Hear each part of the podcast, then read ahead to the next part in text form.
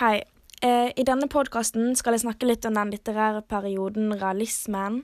Hva realismen er, når denne perioden var, hva som kjennetegner realismen, noen sentrale forfattere. Så skal jeg sammenligne realismen litt med teksten 'Karen'. Eh, denne perioden dominerte i Norge fra rundt 1830-tallet og til 1890-tallet. Og en av de typiske tingene å skrive om under den realistiske litteraturen var samfunnsproblemer. Dette var vanlig fordi realismen kom som en reaksjon mot det store glansbildet med romantikken.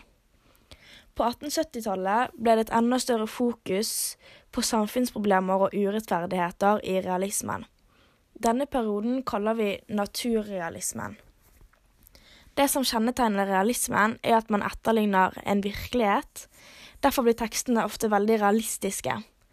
Det er ofte et fokus på hverdagslivet og andre jordnære temaer, f.eks. For familielivet, forholdet mellom kjønnene, kvinnenes plass i samfunnet, samfunnsklasser osv.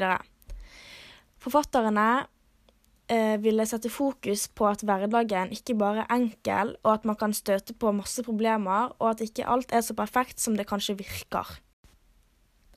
Noen sentrale forfattere i denne perioden var annet Henrik Ibsen, Jonas Lie og Alexander Kielland.